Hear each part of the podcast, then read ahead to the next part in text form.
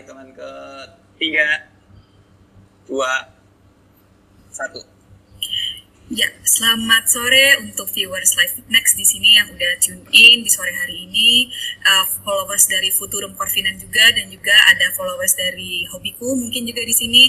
Nah, uh, di kesempatan sore hari ini kita udah bergabung nih bersama kita ada Mas uh, WD dari uh, CMO dari Hobiku dan juga Mas Arga yang merupakan founder dan co-founder ya dari yeah. uh, www.hobiku.com gitu. Kalau ada yang mau lihat dulu nih apa sih Hobiku mungkin bisa sambil di browsing gitu.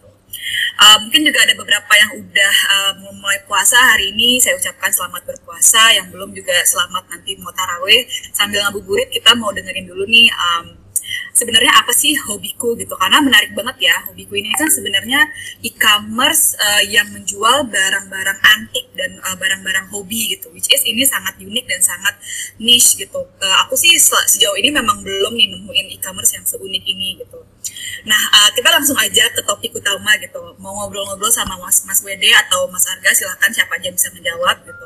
Okay. gimana sih uh, cerita lahirnya hobiku ini gitu? Kalau aku awal lihat-lihat websitenya kan memang udah ada 100 ribuan items ya yang listing di website ini benar-benar luar biasa terus gimana sih tiba-tiba muncul ting gitu ide uh, oh kita harus nih bikin uh, e-commerce tentang hobi dan barang antik gitu. Terus gimana sih menggather penggemar-penggemar barang vintage untuk ikut kontribusi gitu either membeli atau bermasalah kan memang udah ada 100 ribuan items ya yang diceritain ini bagaimana membangun suatu startup terus yang berbasis komunitas kayak hobiku ini.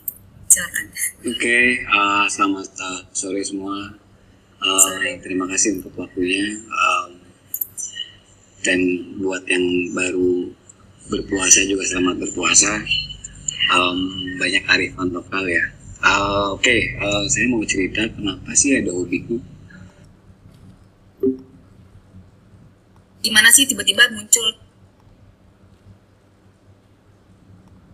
hobi dan barang antik gitu? Terus gimana sih menggather penggemar-penggemar barang vintage untuk ikut kontribusi gitu either membeli atau memasang barangnya gitu di hobiku mungkin bisa ceritain gitu uh, gimana membangun suatu startup yang berbasis komunitas kayak hobiku ini. Silakan. Oke okay, uh, selamat uh, sore semua. Uh, terima kasih untuk waktunya. Uh, dan buat yang baru berpuasa juga selamat berpuasa. Um, banyak arifan lokal ya. Uh, oke okay, uh, saya mau cerita kenapa sih ada hobiku. Uh, suatu hal yang sangat uh, menggelitik tentunya ya di tengah uh, beberapa persaingan e-commerce yang uh, sifatnya dia udah jadi raksasa. Jadi sebenarnya ini uh, based on community. Kenapa ada hobiku itu dia based onnya community. Uh, banyak komunitas yang sudah terbentuk uh, dengan berbagai macam platform. Um, mereka nggak punya satu muara, mereka nggak punya satu uh, tempat untuk bisa uh, community ini jadi satu naungan. Nah, hobiku itu hadir karena based onnya community seperti itu. Nah, kita memang niche market ya marketnya sangat khusus tapi um, karena kita based on community kuat banget nih industri di dalamnya seperti itu, mbak. Oke, uh, eh, nah mungkin aku juga mau nanya nih awalnya uh, kepikiran harus bikin e-commerce gitu dibanding kayak kan sebenarnya kan uh, udah udah udah cukup banyak ya gitu kayak uh, toko-toko barang bekas uh, atau barang antik yang secara offline physically memang ada gitu. Kalau di Jakarta kita tuh ada yang namanya Jalan Surabaya tuh di hmm. daerah Jakarta Pusat gitu. Uh, gimana sih uh, waktu itu Mas Wede akhirnya uh, oke okay nih ya, bikinlah kita uh, startup e-commerce gitu secara digital. Terus gimana sih proses uh, kayak proses orang uh, flow-nya nih gitu dari orang itu uh, mungkin sign up jadi seller, terus uh, upload foto produk, terus uh, and then misalnya kayak kalau ada orang beli itu gimana sih prosesnya gitu? Karena kan ini mungkin barang antik kan juga merupakan barang yang lumayan high end atau pricey gitu ya. Itu gimana sih proses? Oke. Okay. prosesnya gitu sih. Oke. Okay. Um, jadi kita kan paham nih adanya dua tahun pandemik ini semua sentral bisnis pasti akan terpuruk ya bukan hanya di bisnis yang sifatnya kebutuhan primer apalagi hobi ya testier dia juga pasti terpuruk nih. Um, banyak sekali beberapa platform yang sudah disediakan uh, itu tidak bisa menjadi satu acuan untuk bisnis hobi ini. Yang pertama masalahnya adalah uh, kepercayaan. uh, platform-platform seperti yang uh, based on community seperti um, Facebook itu uh, trustnya nggak ada barang yang dijual nilai keasliannya kita nggak bisa terus yang kedua akibat adanya pandemik ini seperti pameran uh, galeri auction itu pun uh, ditutup tanpa waktu yang uh, mungkin bisa dikategorikan buka di bulan depan nggak. Ini waktunya juga entah kapan dibuka. Terus yang ketiga uh, masalah payment. Uh, banyak sekali industri hobi ini uh, sistem pembayarannya hanya perorangan nah ini yang bis, bikin bisnis ini tidak bergairah gitu. Seperti itu. Dan yang paling penting adalah orang bergelut di bidang hobi ini mereka nggak ngerti kalau hobi ini sebenarnya satu investasi hobiku ini hadir untuk bisa memberikan satu uh, penjelasan bahwa investasi nggak lagi nanti uh, di tanah ataupun di PPKB ataupun di emas. Tapi sebenarnya bisnis hobi ini bisa jadi satu nilai investasi seperti itu. Kita pernah loh um, banyak sekali uh, orang yang punya koleksi Jipo. Uh, dia koleksi Jipo di tahun 1956 begitu dijual di tahun sekarang dia harganya sudah seharga rumah Nah, jadi kenapa mesti ada hadirnya ada hobiku? Satu untuk literasi terhadap masyarakat bahwa uh, bisnis hobi ini bisnis yang sangat menguntungkan dan bisnis yang bisa punya nilai investasi. Hmm.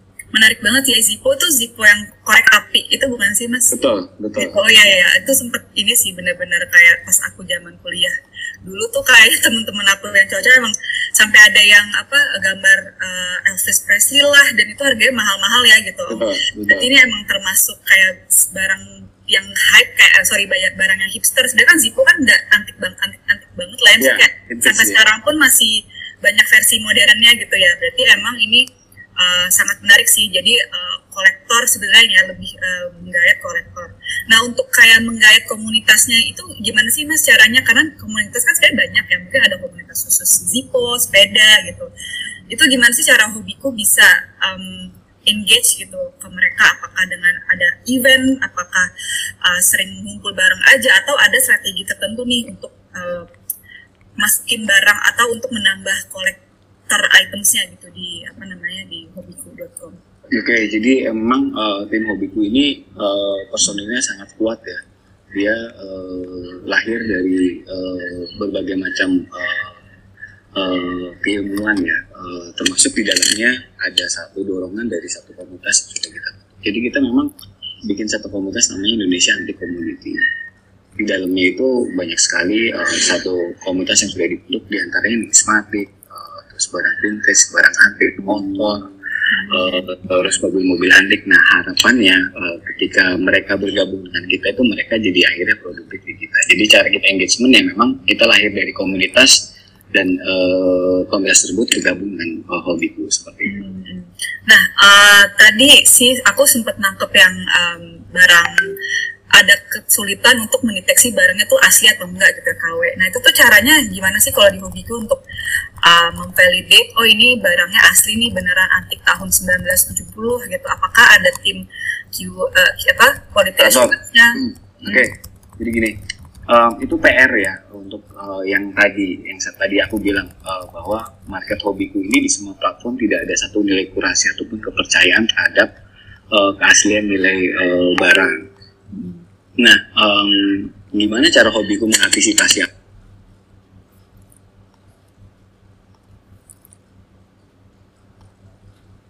kita sepakati bahwa dia oke nih untuk jadi uh, satu seller yang memang uh, bisa dikategorikan seller tersebut dia benar-benar qualified. Oke.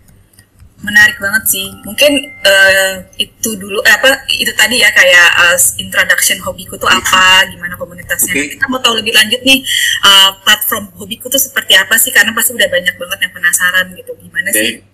Coba Boleh izin presentasi nggak nih? Boleh boleh silakan. Ada presentasinya. Oke ya. Aku share screen ya.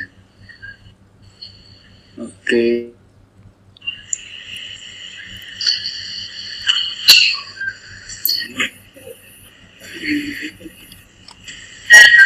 Oke, sudah. Sudah. Ya. Udah ya, udah dapet semua ya. Oke. Oke, Em, kita mau terangin nih. em, hobiku itu jual beli barang antik dan hobi nomor satu Indonesia. Eh, kenapa kita beranikan diri untuk nomor satu karena memang yakin uh, marketplace lain dia sifatnya umum ya jualannya kita bener-bener uh, yang memang khusus di barang antik dan hobi uh, yang ada di platformnya kita versi mobilenya di Android sudah rilis dan versi websitenya sudah uh, running di uh, live juga kita lahir di Yogyakarta Uh, selain menawarkan jual beli, hobiku juga menawarkan berbagai macam fasilitas bentuk transaksi dan jasa. Sudah lebih dari 5.000 akun transaksi webnya sudah marketplace hobiku terdiri dari komunitas tadi aku udah bilang, kurator, toko dan pedagang barang antik, koleksi dan hobi di wilayah Indonesia. Lanjut ya. Nah, ini um, mungkin uh, teman-teman bisa jadi satu uh, filosofi bahwa politik adalah suami yang paling baik karena semakin tua istrinya yang mencintai. Wow, what a quote. Unik banget loh sampai quote-nya juga unik banget. Oke, lanjut Mas. Ini permintaan khusus dari Pak Karmen, ada quote dong. Oh gitu. Ya.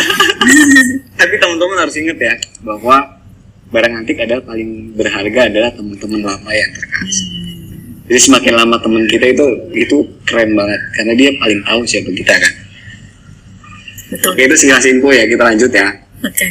oke okay.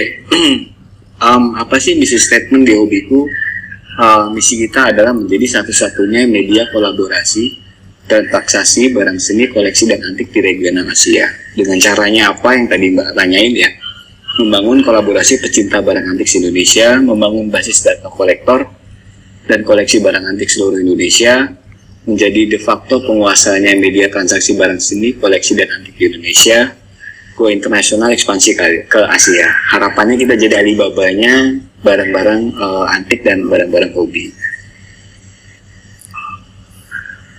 Oke, okay, um, market size-nya ya. Um, ini sharing ya, sharing uh, informasi bahwa super kolektor itu ternyata banyak loh di Asia uh, ataupun di uh, Eropa ya. Kenapa sih kok tertarik ya orang beli beli satu barang-barang koleksi? Aku mau share aja bahwa Pangeran Muhammad Salman kemarin itu beli lukisan Salvatore Mundi itu sekitar 430 juta US dollar. Wow. Ini kan wow kan, termahal di dunia sih. banget, mahal banget. Iya kan. Terus lukisan karya Armando Modalini terjual 174 US dollar juga.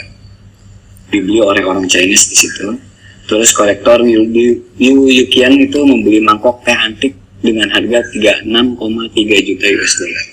Jadi sebenarnya yang gila hobi ini di, di dunia ini wow banget. Wow banget. Oke, okay. terus di Indonesia, um, super kolektor di Indonesia termasuk disegani di Asia dan sudah mendirikan berbagai macam pri privat uh, museum. Buditek dia memiliki Yus Museum di Jakarta dan Shanghai, Haryanto Adikusumo mendirikan museum macam di Jakarta. Terus museum Tumurun juga uh, dari uh, PT Sritek perusahaan tekstil di Asia.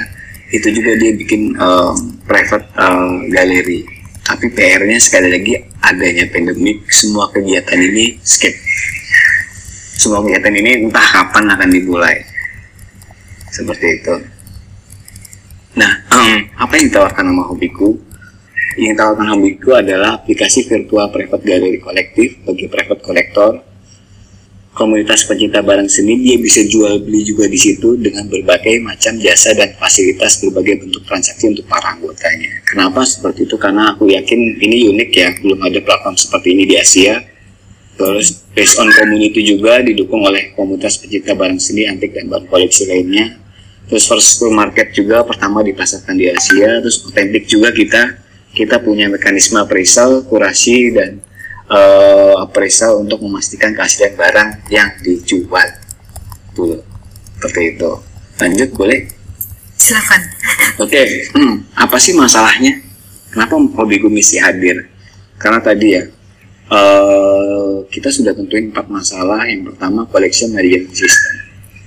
Tidak ada solusi code system manajemen sistem yang aman dan terenkripsi bayangin ketika kita jual satu cincin jamrut di um, taruhlah uh, aku, aku boleh nyebutin nama uh, platform gak sih? Boleh ya? Boleh silakan. Eh, contoh ya aku aku jual jual jual cincin jamrut nih di Facebook. Ya kan tapi dengan gampangnya mereka akan comot gambar yang sama dan dijual atas nama akun yang lain. Hmm, itu sangat terjadi di Instagram juga sih banyak Iya kan? itu Dan, dan, foto. dan mereka ah, dan mereka jual dengan harga yang lebih murah dan mereka akhirnya transfer. Nah, gimana Hmm. kita antisipasi ini? Yes, bro. Hmm. Iya kan? Akhirnya nilai barang jamrut itu yang memang harusnya harganya 7 juta akan jadi jatuh sekitar satu juta dan orang akan menikmati orang-orang yang melakukan fraud tadi kan. Hmm. Yang kedua, ke depan juga kita bakal bikin virtual private gallery untuk memamerkan koleksi bagi koleksi pribadi ataupun koleksi dari kurator ataupun koleksi dari komunitas untuk masyarakat. Ya kan, ini satu uh, edukasi ya bahwa uh, nanti kita akan uh, coba present um, bahwa Indonesia ini punya sejarah. Di dalamnya ada satu kegiatan uh, transaksi yaitu uh, keuangan ya, sektor ekonomi. Uh, dan dari nilai sejarah tersebut, uang tersebut terbit di tahun waktu-waktu tertentu. Contoh ya kita pernah di zaman Orida uh, Indonesia berubah dari Indonesia ke eh sorry dari Belanda ke uh, Indonesia itu sistem pembayarannya kan menggunakan uang kertas dan uang uh, logam ya Uh, dan uh, terbitnya juga di tahun-tahun tersebut.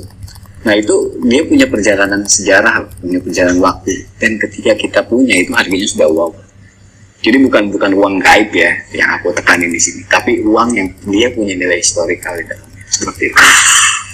Terus yang paling penting adalah tadi appraisal, trading dan auction serta kurator yang di dalamnya. Kita punya sekitar 18 kurator yang ada di hobi itu yang memang dia uh, secara sertifikasi, secara kecakapan uh, dia tidak hanya punya kurun waktu untuk belajar barang antik, uh, barang fintech dan barang koleksi, tapi juga dia, dia bersertifikat.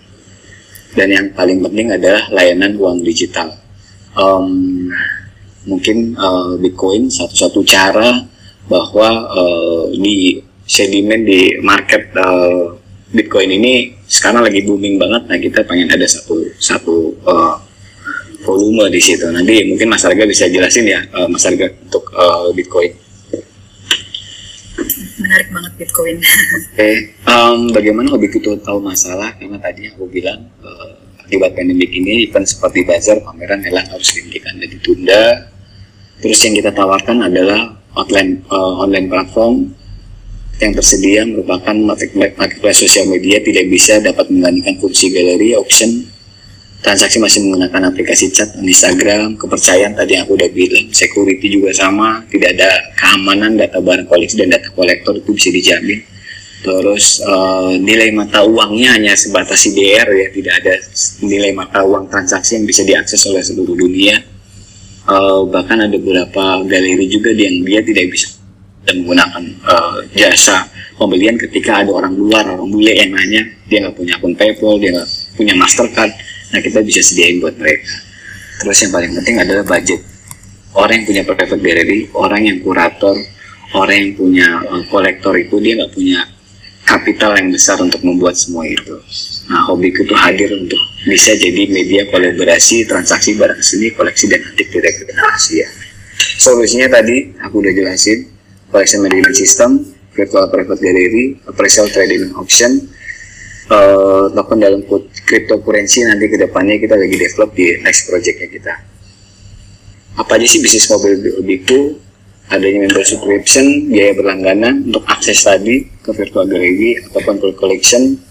Ada juga uh, akses terhadap uh, pameran dan presentasi tentang pengumpul, akses kepada komunitas kolektor, museum digital, dokumentasi uh, 3D sama uh, VR untuk publikasi pameran. Komisinya dari mana sih? Uh, marketplace hobiku komisinya selain dari trading dalam barang antik dari brokerage marketplace itu ada digitalisasi barang koleksi ada konservasi pembelian barang koleksi ada appraisal taksir nilai barang seni ada sertifikasi barang antik ada broker barang antik ada asuransi barang koleksi ada ahli pengetahuan ada jasa penitipan barang antik ada jasa kurasi pameran online dan ke depannya kita akan buka pegadaian barang antik dan investasi barang antik apa aja yang kita coba galakan di lifetime value itu modal keuntungannya berdasarkan iklan, kemitraan, transaksional, subskripsi dan premium. Terus futurnya uh, market capacity-nya itu pengguna transaksi mata uang kripto, uh, super kolektor dunia, galeri seni, koleksi Indonesia dan Asia, pasar barang antik dan Asia, galeri barang antik dan Asia, rumah lelang, pegadaian barang antik dan lain-lain. Collectionnya kita sudah oke, okay. pelanggan kita miliki sekarang sudah 5000 satu tahun kita sudah booking sekitar satu miliar, pertumbuhan hobiku selalu naik uh, bulan per bulan itu uh, sebanyak 15 uh, persen dan kita punya keyakinan bahwa dengan bisnis hobiku ke depan kita akan menciptakan keuntungan yang besar. Ini tadi aku bilang uh, bahkan sempat tanya gimana cara memvalidasi barang tersebut. Yes. Iya kan. Nah Betul. ini kita juga punya kurator di hobiku untuk yang khusus barang antik, khusus barang vintage, khusus otomotif klasik, khusus jam dan perhiasan, belian dan batu permata, numismatik, karya seni, fashion klasik, sepeda antik, alat musik, keris dan tulisan aji dan mobil. Ini tim hobiku, ada Pak Wesa uh, sebagai CEO kita, ada Pak Gimo, co-founder, tokoh komunitas dari masyarakat numismatik juga, ada Mas Arga. Halo Mas Arga ada Pak Nasirun juga mungkin uh, teman-teman udah tahu ya dia pelukis besar Indonesia yang karyanya uh, tampil di Jerman sama di Prancis. Terus ada uh, Pak Yudo juga uh, sebagai tokoh budayawan uh, yang memang aktif di Kris dan Aji ada Pak Dewata juga salah satu um, komunitas di uh, Jekawan itu komunitas Rubuklo nama Harley ada saya Pak Yuda Rojat ada Mas Ruli di situ sebagai production manager kita. Ada Gusti Prabu juga ada Pak Lulut kalau teman-teman tahu custom press eh, di um, semua konten YouTube. Nah ini orangnya. Ada Pak Robi juga. Dan tim hobiku disupport juga untuk uh, beberapa lini divisinya. Yaitu ada Pak Joko dengan uh, Pak Ustang, Mas Andi, Jagat di Pak Heri yang memang dia aktif di engagement untuk uh, menambah uh, lead di channel seller ataupun di buyer ataupun di galeri produk kita kategori juga berbeda dengan marketplace lain. Kalau teman-teman buka hobiku.com pasti menemukan satu dunia yang berbeda ya.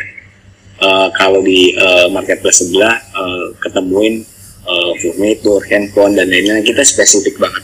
Kita nggak ada barang-barang umum, kita ada barang antik, buku komik, uh, motor, alat musik, otomotif klasik.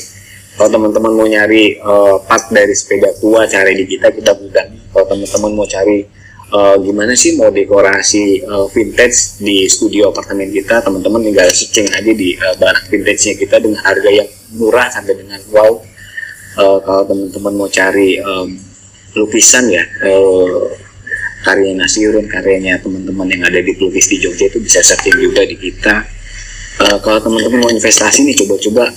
Sebenarnya bukan coba-coba ya kita edukasi bahwa ah aku mau investasi nih. Tapi kalau misalkan aku mau beli rumah itu nilainya mungkin hampir 100 juta. Kapan kita mau uh, nilai 100 juta? Butuh waktu kan apalagi kita pekerja mungkin bisa spend sekitar 1 juta sampai dengan 500 ribu. Tapi ketika kita uh, investasi ke numismatik ya uh, ada salah satu uang yang memang dia terbit di era penjajahan Belanda ataupun Jepang ataupun uang yang memang dia terbit di uh, perkebunan. Uh, jadi kalau misalkan Belanda itu ngejajah di satu perkebunan Sumatera dia harus punya nilai tukarnya sendiri. Sehingga perkebunan itu nggak bisa dia beli ke Jawa ke segala macam. Itu jahatnya mereka kan. Tapi nilai tukar uang di masa itu itu bisa jadi satu nilai investasi. Ketika kita jual lima tahun ke depan lagi nilainya kita beli lima ratus ribu nggak jadi lima ratus ribu kemungkinan bisa naik ke apresialnya sekitar 5 juta. Atau ini kan satu bentuk investasi yang uh, berbeda ya dengan dengan yang terjadi sekarang. Seperti itu. Uh, tentang proyeknya kita ke depan kita pengembangan aplikasi uh, baik web ataupun mobile adanya auction marketplace lelang ada pembuatan virtual gallery juga ada pembuatan blockchain juga di sini nanti mungkin akan di, di uh, boleh Mas Aga masuk untuk uh, bisa penjelasan nah, kan nih penasaran banget sama gimana kripto dan blockchain bisa dikawinin sama hobiku. Ya. Jelasin Mas Arga. Hai, hey, salam kenal ya Mbak. Oke, okay.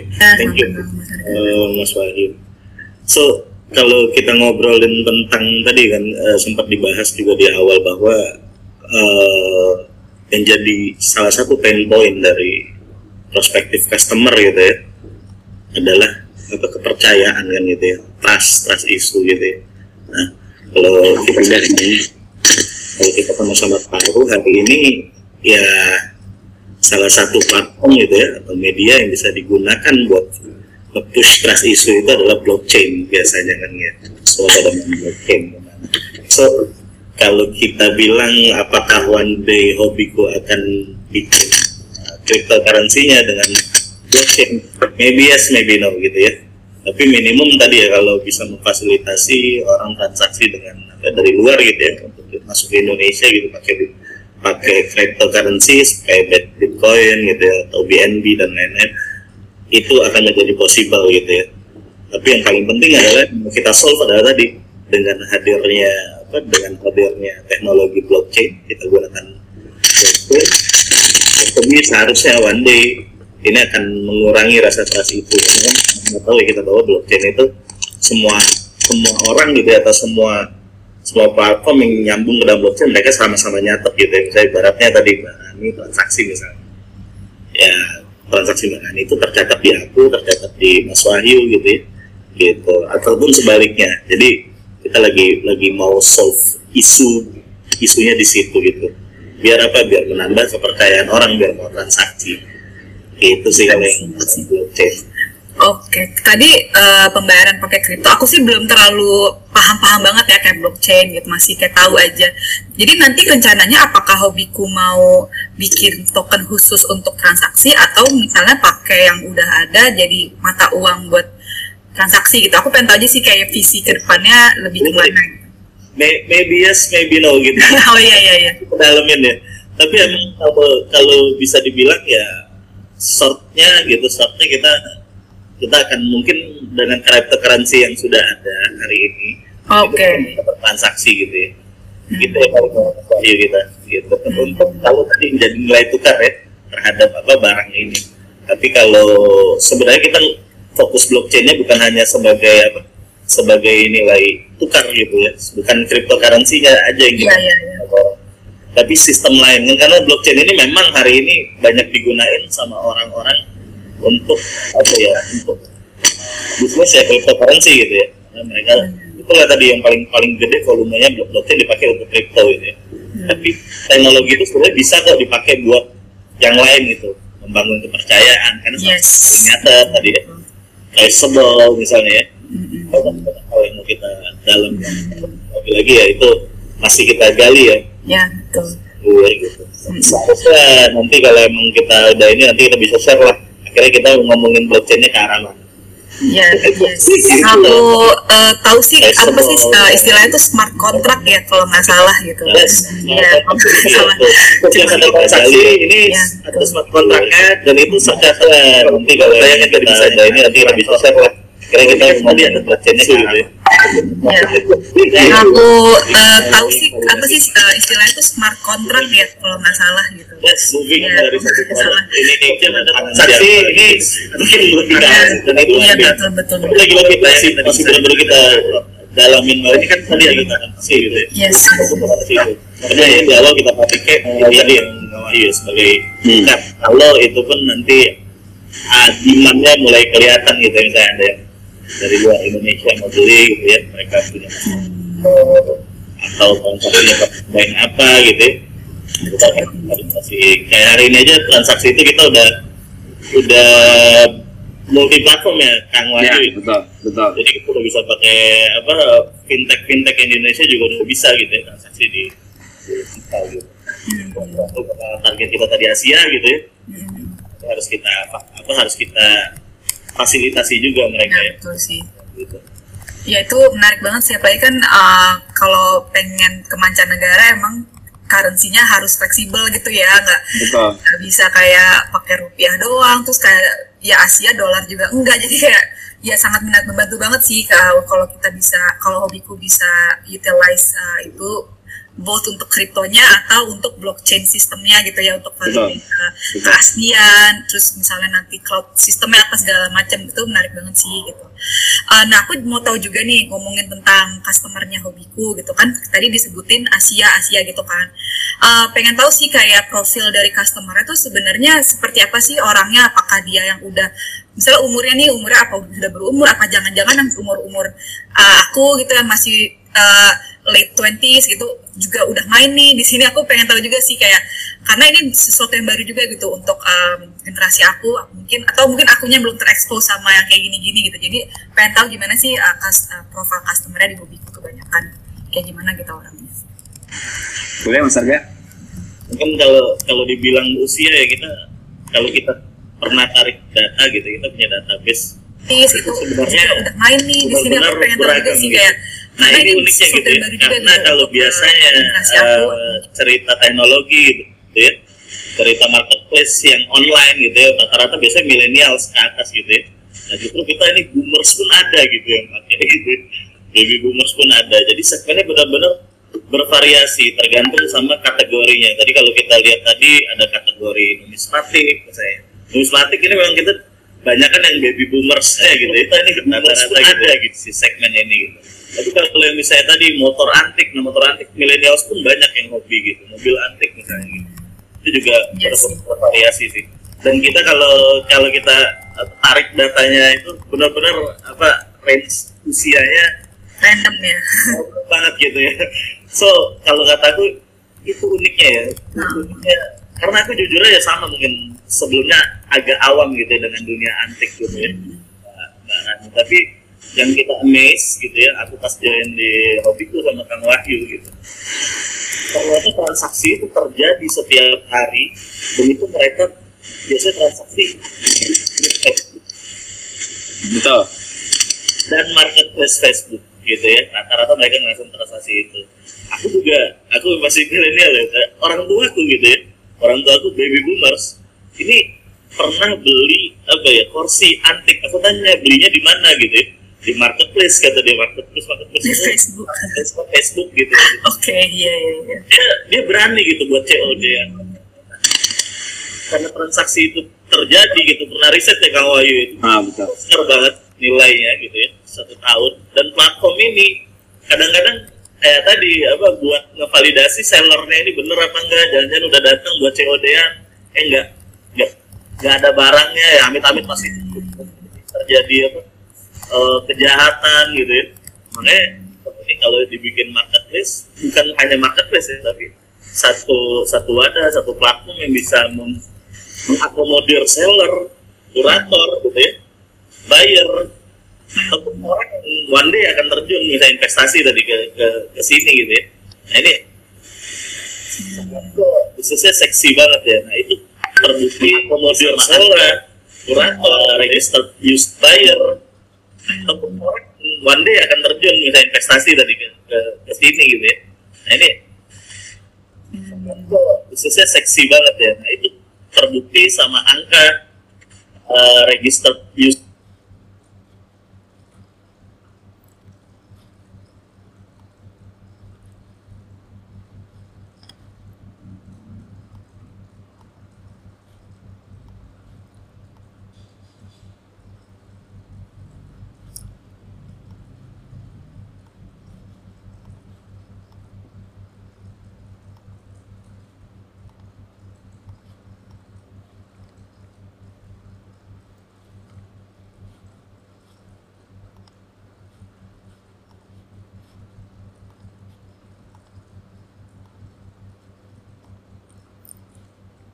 ada semuanya udah ada. Tinggal kita bikinin platformnya biar mereka ngumpul di situ mereka dagang di situ. Sebenarnya sampai hari ini buat acquire user gitu ya kita tuh nggak nggak bisa dibuang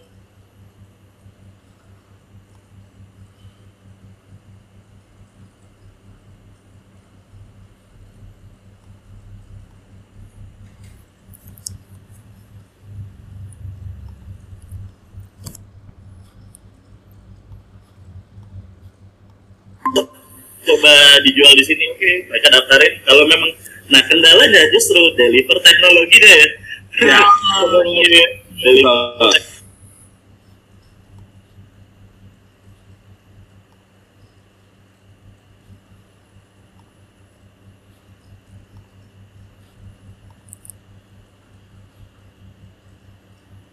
Ide orang tua kita ya, tugas kita gitu ya buat deliver teknologinya. Kita bantuin bantuin masukin gitu kita training lebih ke arah situ kalau memang nanti besok nggak pandemi lagi bisa kita gather apa sih apa gathering sama sama komunitas ya tapi yang paling keren tuh ya itu tadi.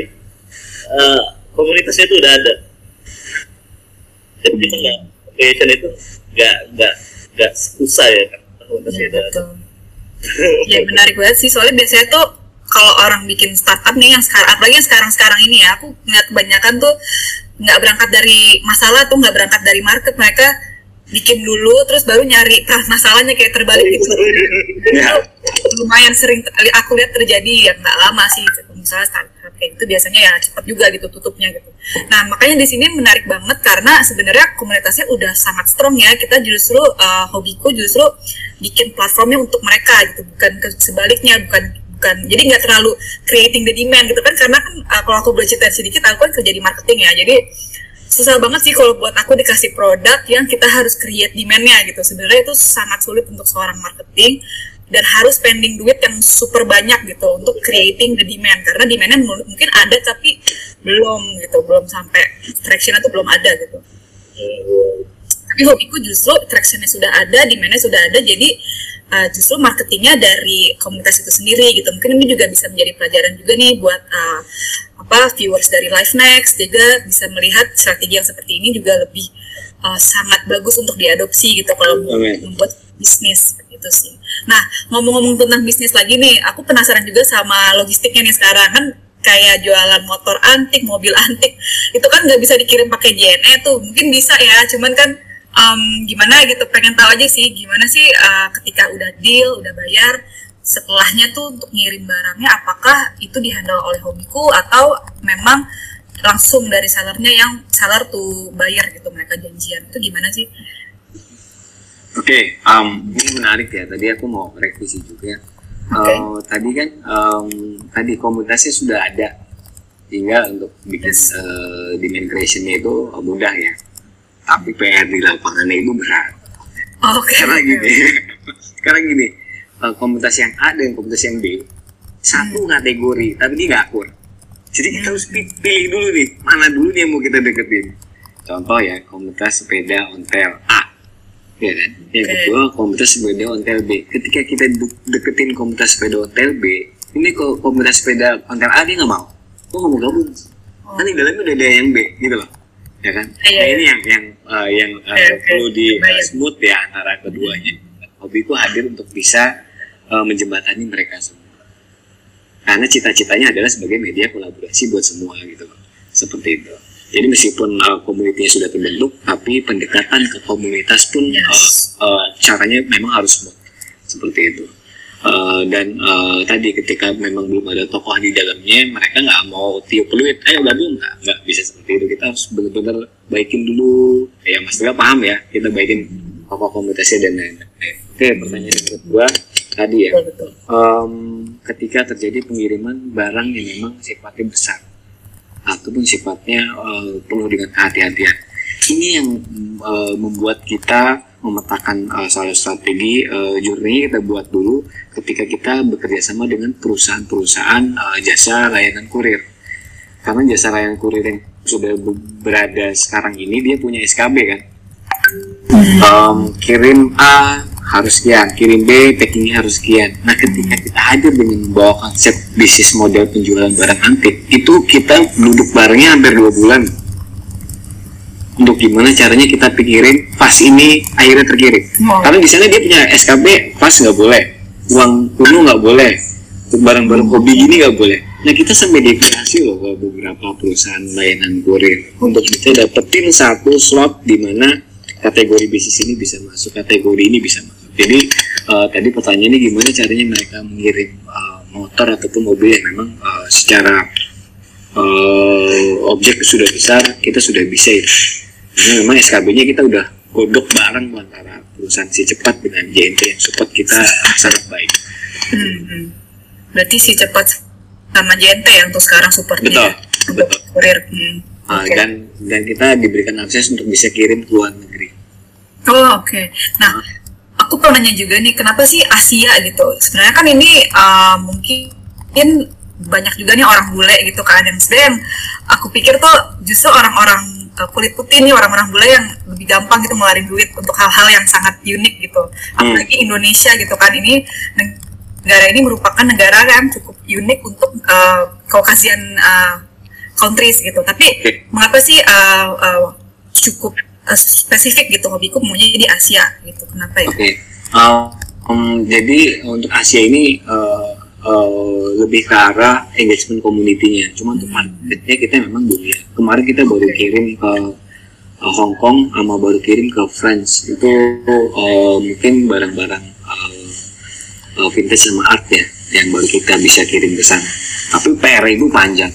PR itu panjang sampai kita bisa kirim barang itu juga PR-nya sangat panjang. Nah, akhirnya sekarang galeri-galeri yang memang domisili di Jogja ataupun di uh, luar Jogja itu mereka merasa terbantu ketika datang di hobiku karena uh, service excellent mereka dibantu oleh kita, abis nya kita bantu juga uh, oleh kita, layanan paymentnya juga kita bantu oleh kita, sampai dengan layanan packing dengan baik itu pun kita bantu dengan mereka. Jadi benar kata kita katakan Mas Arga, selain kita deliver uh, teknologinya, kita juga deliver banyak uh, service excellent kepada mereka.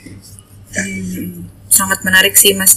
Ini uh, oh ya aku juga mau ngasih tahu ke audiens kalau ada yang mau bertanya bisa langsung login dulu. Uh, kalau belum punya akunnya register, terus bisa langsung uh, meninggalkan pertanyaan di kolom komen. Nah ini udah ada yang nanya satu uh, mau tanya bagaimana hobiku on board barang item-item demikian hingga 100 ribu item. Mungkin lebih gini kali ya gimana sih uh, proses untuk onboard 100 ribu gitu dari mulai fotonya, dari mulai product descriptionnya, apakah uh, itu cukup dalam waktu setahun ini atau dikejar dalam waktu beberapa bulan atau gimana sih? Oke, okay, ini unik juga ya. Kadang-kadang um, galeri itu terbiasa konvensional uh, proses. Uh, uh, mereka uh, stay di Jogja, uh, berdirikan di Jogja di tengah kota. Harapannya uh, konsumer-konsumer bule ataupun orang-orang asing ataupun wisatawan kosmetik dia datang ke galeri dan dia beli gitu kan ada pandemik mereka jong banget nih buru-buru yang ngunjungin. Tempatnya ditutup kok jalannya. Di Jogja enggak kan kita kita dimulai dari satu uh, tim uh, untuk bisa datang ke mereka. Tadi uh, kita kan berikan juga jasa digitalisasi barang uh, seni dan uh, barang koleksi. Jadi kita uh, dengan teman-teman uh, admin dengan teman-teman kita punya fotografer sendiri yang kita datang ke galerinya kita fotoin objek tersebut Hmm. Ada beberapa juga yang uh, memang uh, dia sudah punya uh, aset di website dia ataupun di marketplace lain yang kita coba lakukan migrasi sehingga uh, pencapaian dalam waktu satu tahun untuk satu ribu produk itu bisa tercapai dengan baik. Oke okay, oke. Okay. Secara secara garis besar mbak awalnya kita apa kita minta ya kita datangin galeri tadi gitu ya. Kita datang kalau belum bisa ya kita bantu fotoin gitu kasarnya sisanya itu sampai 100 ribu user itu udah apa istilah itu ketuk tular kalau di ya, ya. itu itu udah, udah bikin nih oh, galeri si iya, iya. di sini gitu kan. Nanti kita tinggal ke sebelah. Wah di sebelah udah kita ajarin nih buat masukin apa barangnya di listing di hobiku gitu. I see. Tular gitu.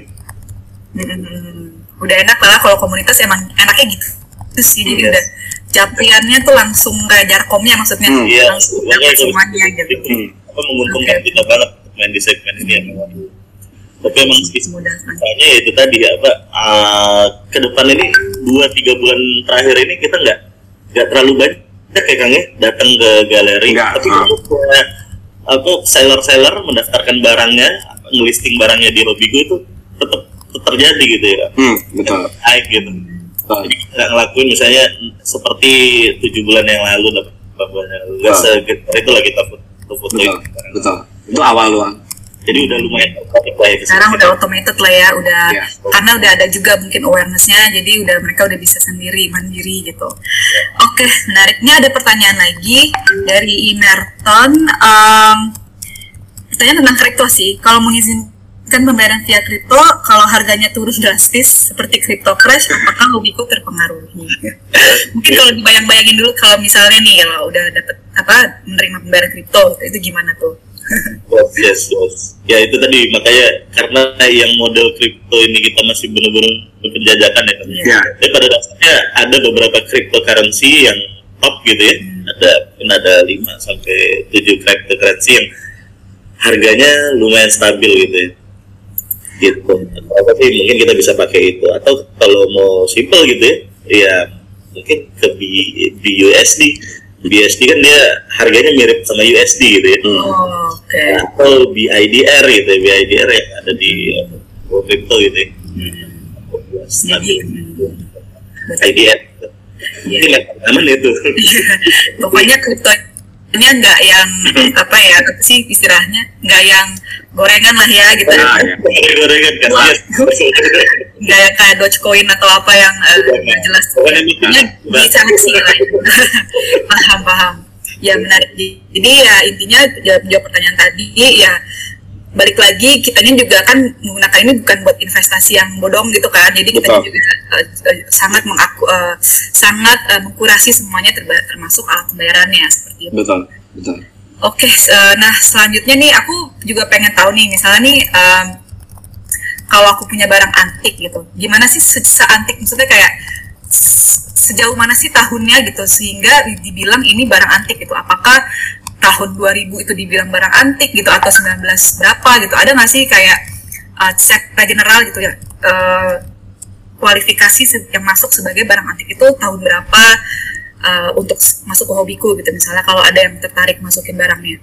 Oke, Em, antik itu eh, ada dua versi ya, antik dan rare itu beda juga. Ah, sorry mas ngare Rare, rare, rare hitam, ya kan? oh rare iya. ya kan? Nah, itu beda juga. Oh antik di kita itu memang dia punya kurun waktu sekitar eh, sekitar 80 sampai dengan 100 tahun. 90 sampai 100 tahun Ya, 90 sampai dengan 100 tahun itu baru baru kita bisa kategorikan itu antik. Hmm. Tapi kalau misalkan di bawah 50 tahun itu kita masuknya kategorinya vintage. oh ya kan tapi tadi eh, rare item itu eh, contoh ya em, pernah nggak sih kita masuk ke Alfamart eh, terus lihat ada satu eh, action figure eh, ulang tahunnya Warner Bros. yang dijual di Alfamart. Eh, modelnya kayak Batman gitu. Action figure biasanya kalau kita masuk ke Alfamart di kios gitu di, di kasirnya kan ada tuh. Oh iya iya. Ta- tapi itu lima tahun yang lalu. Begitu kita jual lima tahun yang sekarang itu nilainya beda. Itu juga bisa dikategorikan antik gitu. Jadi kategori antik memang em, eh, kurasinya selain dari eh, apa nilai waktu, eh, masa waktu juga dari seberapa rare barang tersebut seperti itu. I see. Oke, nah eh, masalah pembayaran nih selain kripto gitu kan kripto emang belum kan sekarang memang masih eh, dalam proses kaji dikaji gitu. Nah kalau untuk eh, transaksi terbesar kalau boleh tahu ya kalau nggak juga nggak apa-apa. Terbesar di hobiku tuh bisa sampai berapa sih? Terus sistem pembayarannya tuh biasanya pakai apa sih? Karena kan nggak mungkin kayak pakai OVO gitu kan.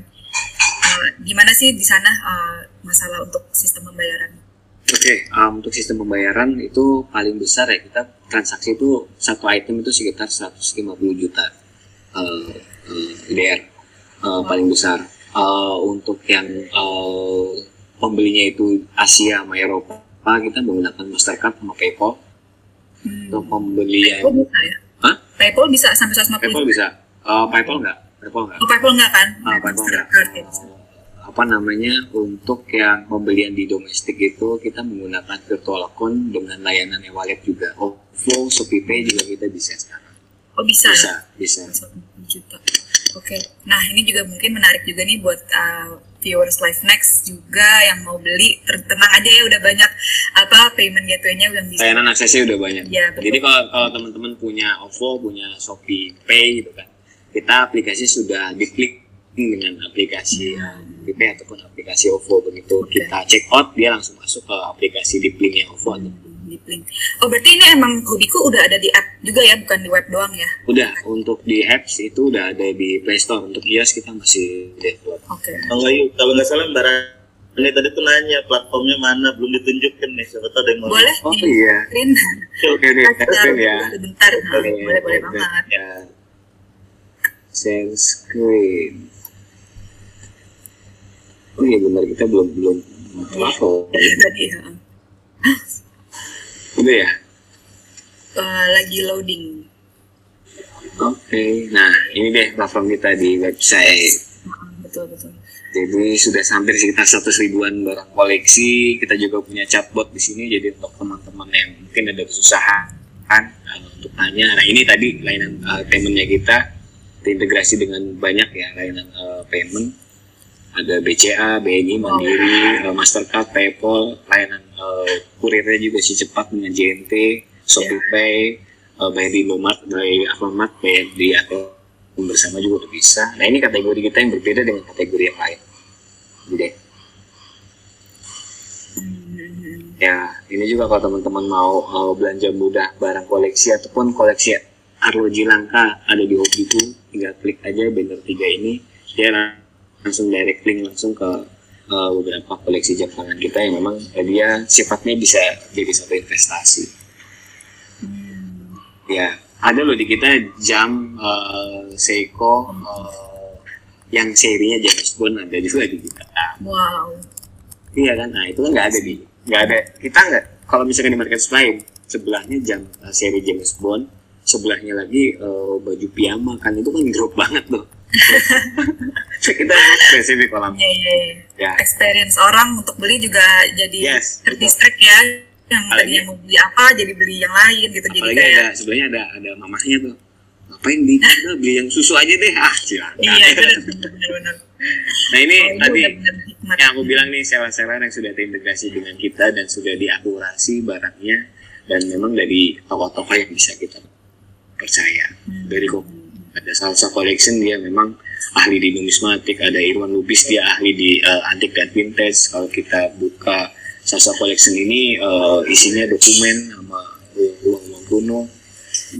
Ini salsa collection nih. Nah ini dokumen-dokumen uh, apa namanya buku-buku kartu-kartu pos zaman dulu. Kalau mungkin mbak belum lahir ya? Kalau kita mau telepon harus pakai kartu telepon ya kan? Nah ini ini ada di sini. Ngalamin kartu telepon. Eh? Kayaknya nggak ngalamin deh kartu ngalamin juga ya? Ya kan? Nah ini kan bisa bisa jadi ini ya bisa jadi apa? Bisa jadi uh, nah ini juga ada yang unik lagi nih uang Bank Indonesia nomor cantik. Nomor cantik. Hmm, yo nomor cantik nih. Uh, edisi edisinya contoh ya kita buka ya. Uh, dan ini kan uh, nih serinya nih. CZM 999999 jadi mulai sekarang buat teman-teman yang uh, nonton live ketika masuk KTM jangan buru-buru langsung belanja dilihat dulu kali aja ada nomor cantik untuk selip. Itu bisa nilainya bisa berbeda ya? dengan nilai nominal. Ini jadi 450 ribu nih berapa iya. kali lipatnya lipat kan? Iya, iya, orang iya. nggak sadar kayak gitu kan? Ya betul betul. Seperti itu. Ada juga yang memang dia um, banyak sih di sini ya banyak seller-seller yang uh, sudah terintegrasi dengan kita kayak Irza Lupis dia juga dia koleksi barang-barang uh, antik dan vintage nih sebenarnya ini makanan orang-orang bule ini hmm. makanan orang-orang bule ya. orang bule kita juga jadi kalau untuk teman-teman uh, uh, seller yang baru bergabung juga kita bikinin dimulai dari uh, banner toko dimulai dari kita mengaktifkan uh, layanan Instagram ataupun Facebook untuk dikenalkan di uh, media sosial. Itu kita juga uh, administratorkan. Terus kita juga bikinin etalase toko. Nah ini yang mereka akhirnya uh, apa ya uh, tertarik dengan hobi gue dia share di Facebook uh, 10 item. Akhirnya dia ketumpukan sama chat-chat yang iya. Kayak segala macam gitu kan. Ya enggak nah uh, ketika mereka uh, kita uh, ajakin untuk bergabung untuk migrasi ke kita mereka oke okay, karena apa? Karena kita punya fitur etalase toko seperti itu. Tapi spesifik uh, etalase tokonya iya. Ini ini kita buatin semua buat uh, uh, teman-teman seller yang bergabung di kita. Hmm. nah ini bukan populer juga. Kalau um, anak muda ya tinggal di apartemen dia mau mempercantik ruangan apartemen. Ini yang tadi aku bilang untuk nuansa vintage dia beli kayak model TV-TV kuno nih zaman dulu gitu seperti itu ya lucu. Piringan hitam juga kita banyak. Nah ini kategori-kategori kita nih. Numismatik terus barang vintage terus barang antik terus uh, dokumen terus buku komik terus Komik. batik ya. Terus jam jam tangan dan perhiasan terus karya seni dan lain-lain. Nah, ini uh, platform kita nih Kalau ngeliat ini gimana Mbak Rani? mana Kalau kita yang awam, kalau kita yang awam tuh kan biasanya wah, ini kita cek nih di rumah ada apa gitu ya. Wah, pengen jual. Boleh gitu ya, siapa tahu. Kan bayangin ketika ada kurator ya, ada kurator ya dia nanti yang bantuin kita. Betul. Tapi aku malah jadi pengen beli sih. Malah kebalik kayak uh, iya. Tadi kayak aku lucu banget. apa nih kira-kira bisa kita posting di sini gitu ya? Iya Nah, benar. betul, betul, Oke, oh ini ada satu lagi uh, pertanyaan mungkin yang pertanyaan terakhir ya. Uh, kalau barang demikian harganya bisa naik turun nggak sih? Mungkin apakah harganya fluktuatif? Karena kan investasi di mana-mana fluktuatif ya harusnya. Hmm, hmm. Tapi kalau barang antik, barang antik apakah dia fluktuatif atau emang dia grafiknya tuh kayak naik terus gitu? Oke, barang antik yang uh, punya uh, lembaga sertifikasi seperti numismatik ya. Numismatik dia punya PMG, punya NDC, uh, terus uh, kayak model Gilberti nih, dia punya uh, sertifikasi tentang keaslian satu nilai berlian, terus jam tangan dan itu nilainya nggak akan pernah turun, dia selalu naik, Hmm. dia selalu naik. Jadi uh, in general beda lah ya sama ini karena ini juga unik ya investasi yang Hmm. lainnya ini cenderung naik seperti itu. Cenderung naik ya, cenderung naik. Baik, kalau uh, masih ada pertanyaan mungkin dari audiens, kita kasih waktu beberapa menit lagi. Mungkin sambil nunggu, ini Mas Arga dan Mas uh, Jadi prisit sampai dengan sit investor. Makanya memang benar-benar mau ngajarin. Aku juga sering trainer. dengerin di Spotify-nya untuk channelnya. Oh, oke, Itu oh iya, itu juga ada. Betul. Betul, itu enak betul, banget betul. detail banget dan bertahap ya itu kan kalau kalau kita buka Google kan gini kalau kita buka Google kan biasanya kan dia hanya rangkuman tok nah kalau uh, pakarnya itu dia bertahap banget di di podcast. Enak banget Betul, betul. enak banget. Ya, kita ada podcast juga uh, di search dengan nama yang sama Futurum Corvinan di LinkedIn juga ada. Di LinkedIn kita juga sering uh, sharing uh, artikel-artikel yang pastinya snack bite. Pokoknya nggak yang artikel panjang benar-benar artikel Oh, yang betul. sangat ringan gitu bisa Betul. dicerna di Instagram juga kita uh, sharing juga. Dan kita setiap bulan juga ada chatting uh, apa session chat seperti ini Hmm. dengan startup founder yang lainnya Hmm. untuk yang mungkin di sini pengen juga nih uh, ngobrol-ngobrol sama Futurum dan Life Next bisa mungkin DM kita mungkin kita bisa arrange untuk ke depannya gitu sih jadi Betul. uh, jadi uh, silakan kalau ada yang mau uh, inquiry ke Futurum Corvinan bisa langsung DM atau email di futurumcorvinan@gmail.com. betul betul betul Kita juga setiap bulan juga ada ngeluarin jadwal training sih gitu. Mungkin bisa dilihat apakah jadwal trainingnya itu sesuai dengan masalah yang lagi dihadapi oleh uh, startup. Tetapi kita juga training tema kita juga mostly ber- berhubungan sama itu sih diligence-nya, terus uh, pitch deck segala macam, uh, valuation. Sekarang sih masih uh, tersentrik ke finance, cuman nggak menutup kemungkinan ke depannya mungkin ada uh, yang lainnya gitu untuk uh, startup seperti itu sih. Ini juga ya juga bulan April Futurum Confident udah banyak juga nih yang ngebuk jadwal trainingnya di 12 Ah. sampai 13 April kita juga ada uh, project uh, investment training bisa dicek silabusnya di Instagram Uh, bisa cek langsung aja di situ dan langsung isi uh, registration itu sih. Oke itu aja sekilas infonya mohon maaf Uh, mungkin uh, udah sih belum udah nggak ada pertanyaan lagi dan apakah dari Mas Wede dan Mas Arga ada yang ditambahkan sebelum kita tutup uh, sesinya hari ini? Harga boleh nambahin penutup Mas Harga Oke, boleh. Mungkin kalau dari aku last ya ini buat yang denger gitu ya eh, obrolan kita hari ini gitu ya. Oh ternyata ada gitu marketplace yang ini. Monggo dijajal dulu, coba diulik gitu ya. Ya. Mau daftar jadi seller, tadi ya kalau ada barang-barang unik monggo coba di coba di daftarkan gitu atau yang mau belanja shopping monggo gitu ya. Dipakai dong gitu. Ini karya anak. Iya. gitu. Oke, benar benar lokal loh ini lokal Iya, lokal bisnis ya 100% oke oke ya terima kasih Mas Arga dan Mas Oke. Wede kan Oke, thank you. Jadi uh, terima kasih juga untuk yang udah tune in di live next kali ini. Biasanya sih kita uh, rekamannya itu akan diupload di YouTube sama podcast di Futurum Corvinan. Jadi nanti akan aku share linknya juga ke database kita dan kita share juga ke hobiku yang mungkin mau di share juga ke followersnya. Uh, akhir kata saya ucapkan terima kasih banyak untuk uh, Mas uh, Wede, Mas Arga, segenap tim hobiku dan Live Next ha- hari ini dan makasih juga yang udah nonton. Uh, selamat berpuasa besok kalau memang menjalankan puasa. Amin. Uh, Afdol semuanya. Oke, selamat sore semuanya. Sore, thank you. Terima kasih.